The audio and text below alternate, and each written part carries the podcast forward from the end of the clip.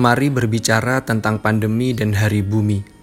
Terlepas dari perdebatan soal asal-usul COVID-19 ini, telah lama banyak ahli lingkungan memprediksi bahwa salah satu dampak pemanasan global adalah wabah atau pandemi. Dan tentunya pemanasan global adalah akibat dari ulah kita, ulah setiap manusia.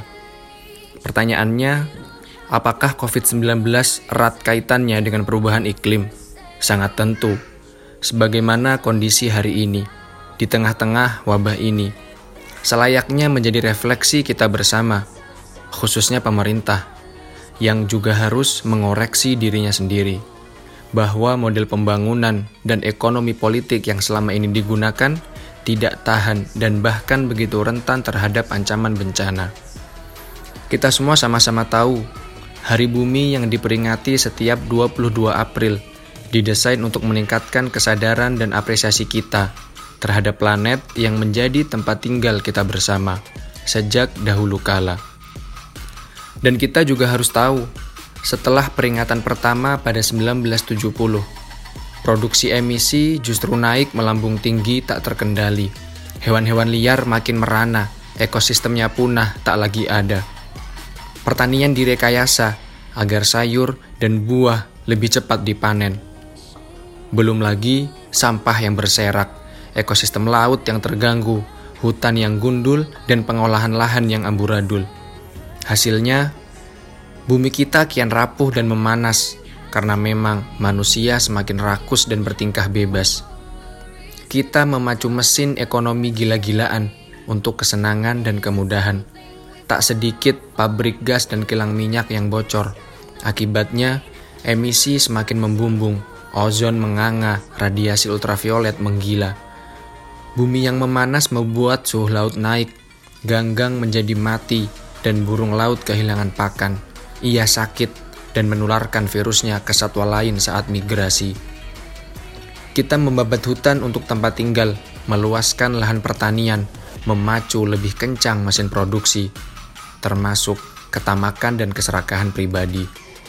Hewan liar kehilangan rumah, Virus-virus pun kehilangan inang yang nyaman. Mereka lalu menginvasi ruang hidup manusia, dan sekarang kita menyebutnya sebagai pandemi. Lalu, apa yang sebenarnya berubah selama setengah abad ini? Apa keadaan semakin baik setelah 50 kali memperingati hari bumi? Jawabannya justru pandemi. Masa-masa sekarang adalah kenyataan yang absolut realitas yang mutlak dan harus dilalui walau banyak rasa takut.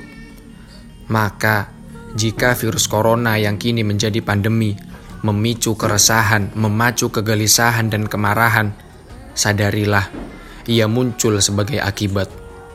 Lihat saja, tiba-tiba Disney kehabisan keajaiban.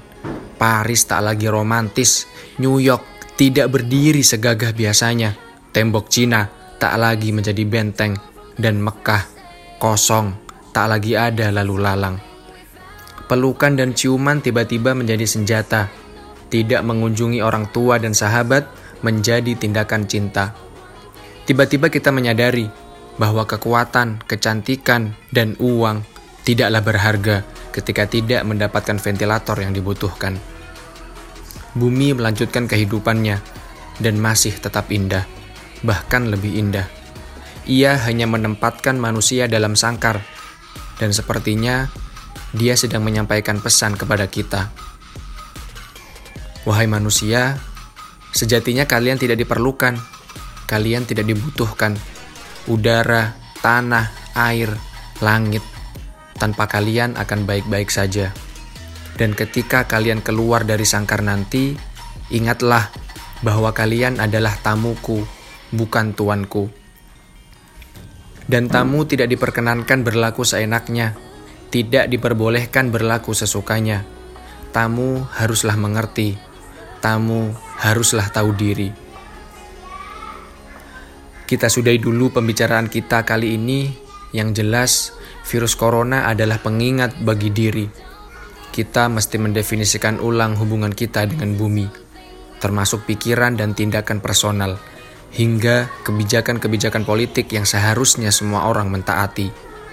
Dan setelah pandemi selesai, semestinya kita lebih arif kepada bumi. Mungkin tak perlu lagi ada hari khusus memperingati planet ini, karena sejatinya setiap hari adalah hari bumi. Setiap hari kita menjaga diri agar tak lagi sembrono memperlakukan bumi. Mari bekerja sama, menyeriusi penjagaan hari-hari kita, hari untuk menjaga dari segala celah yang kian menganga.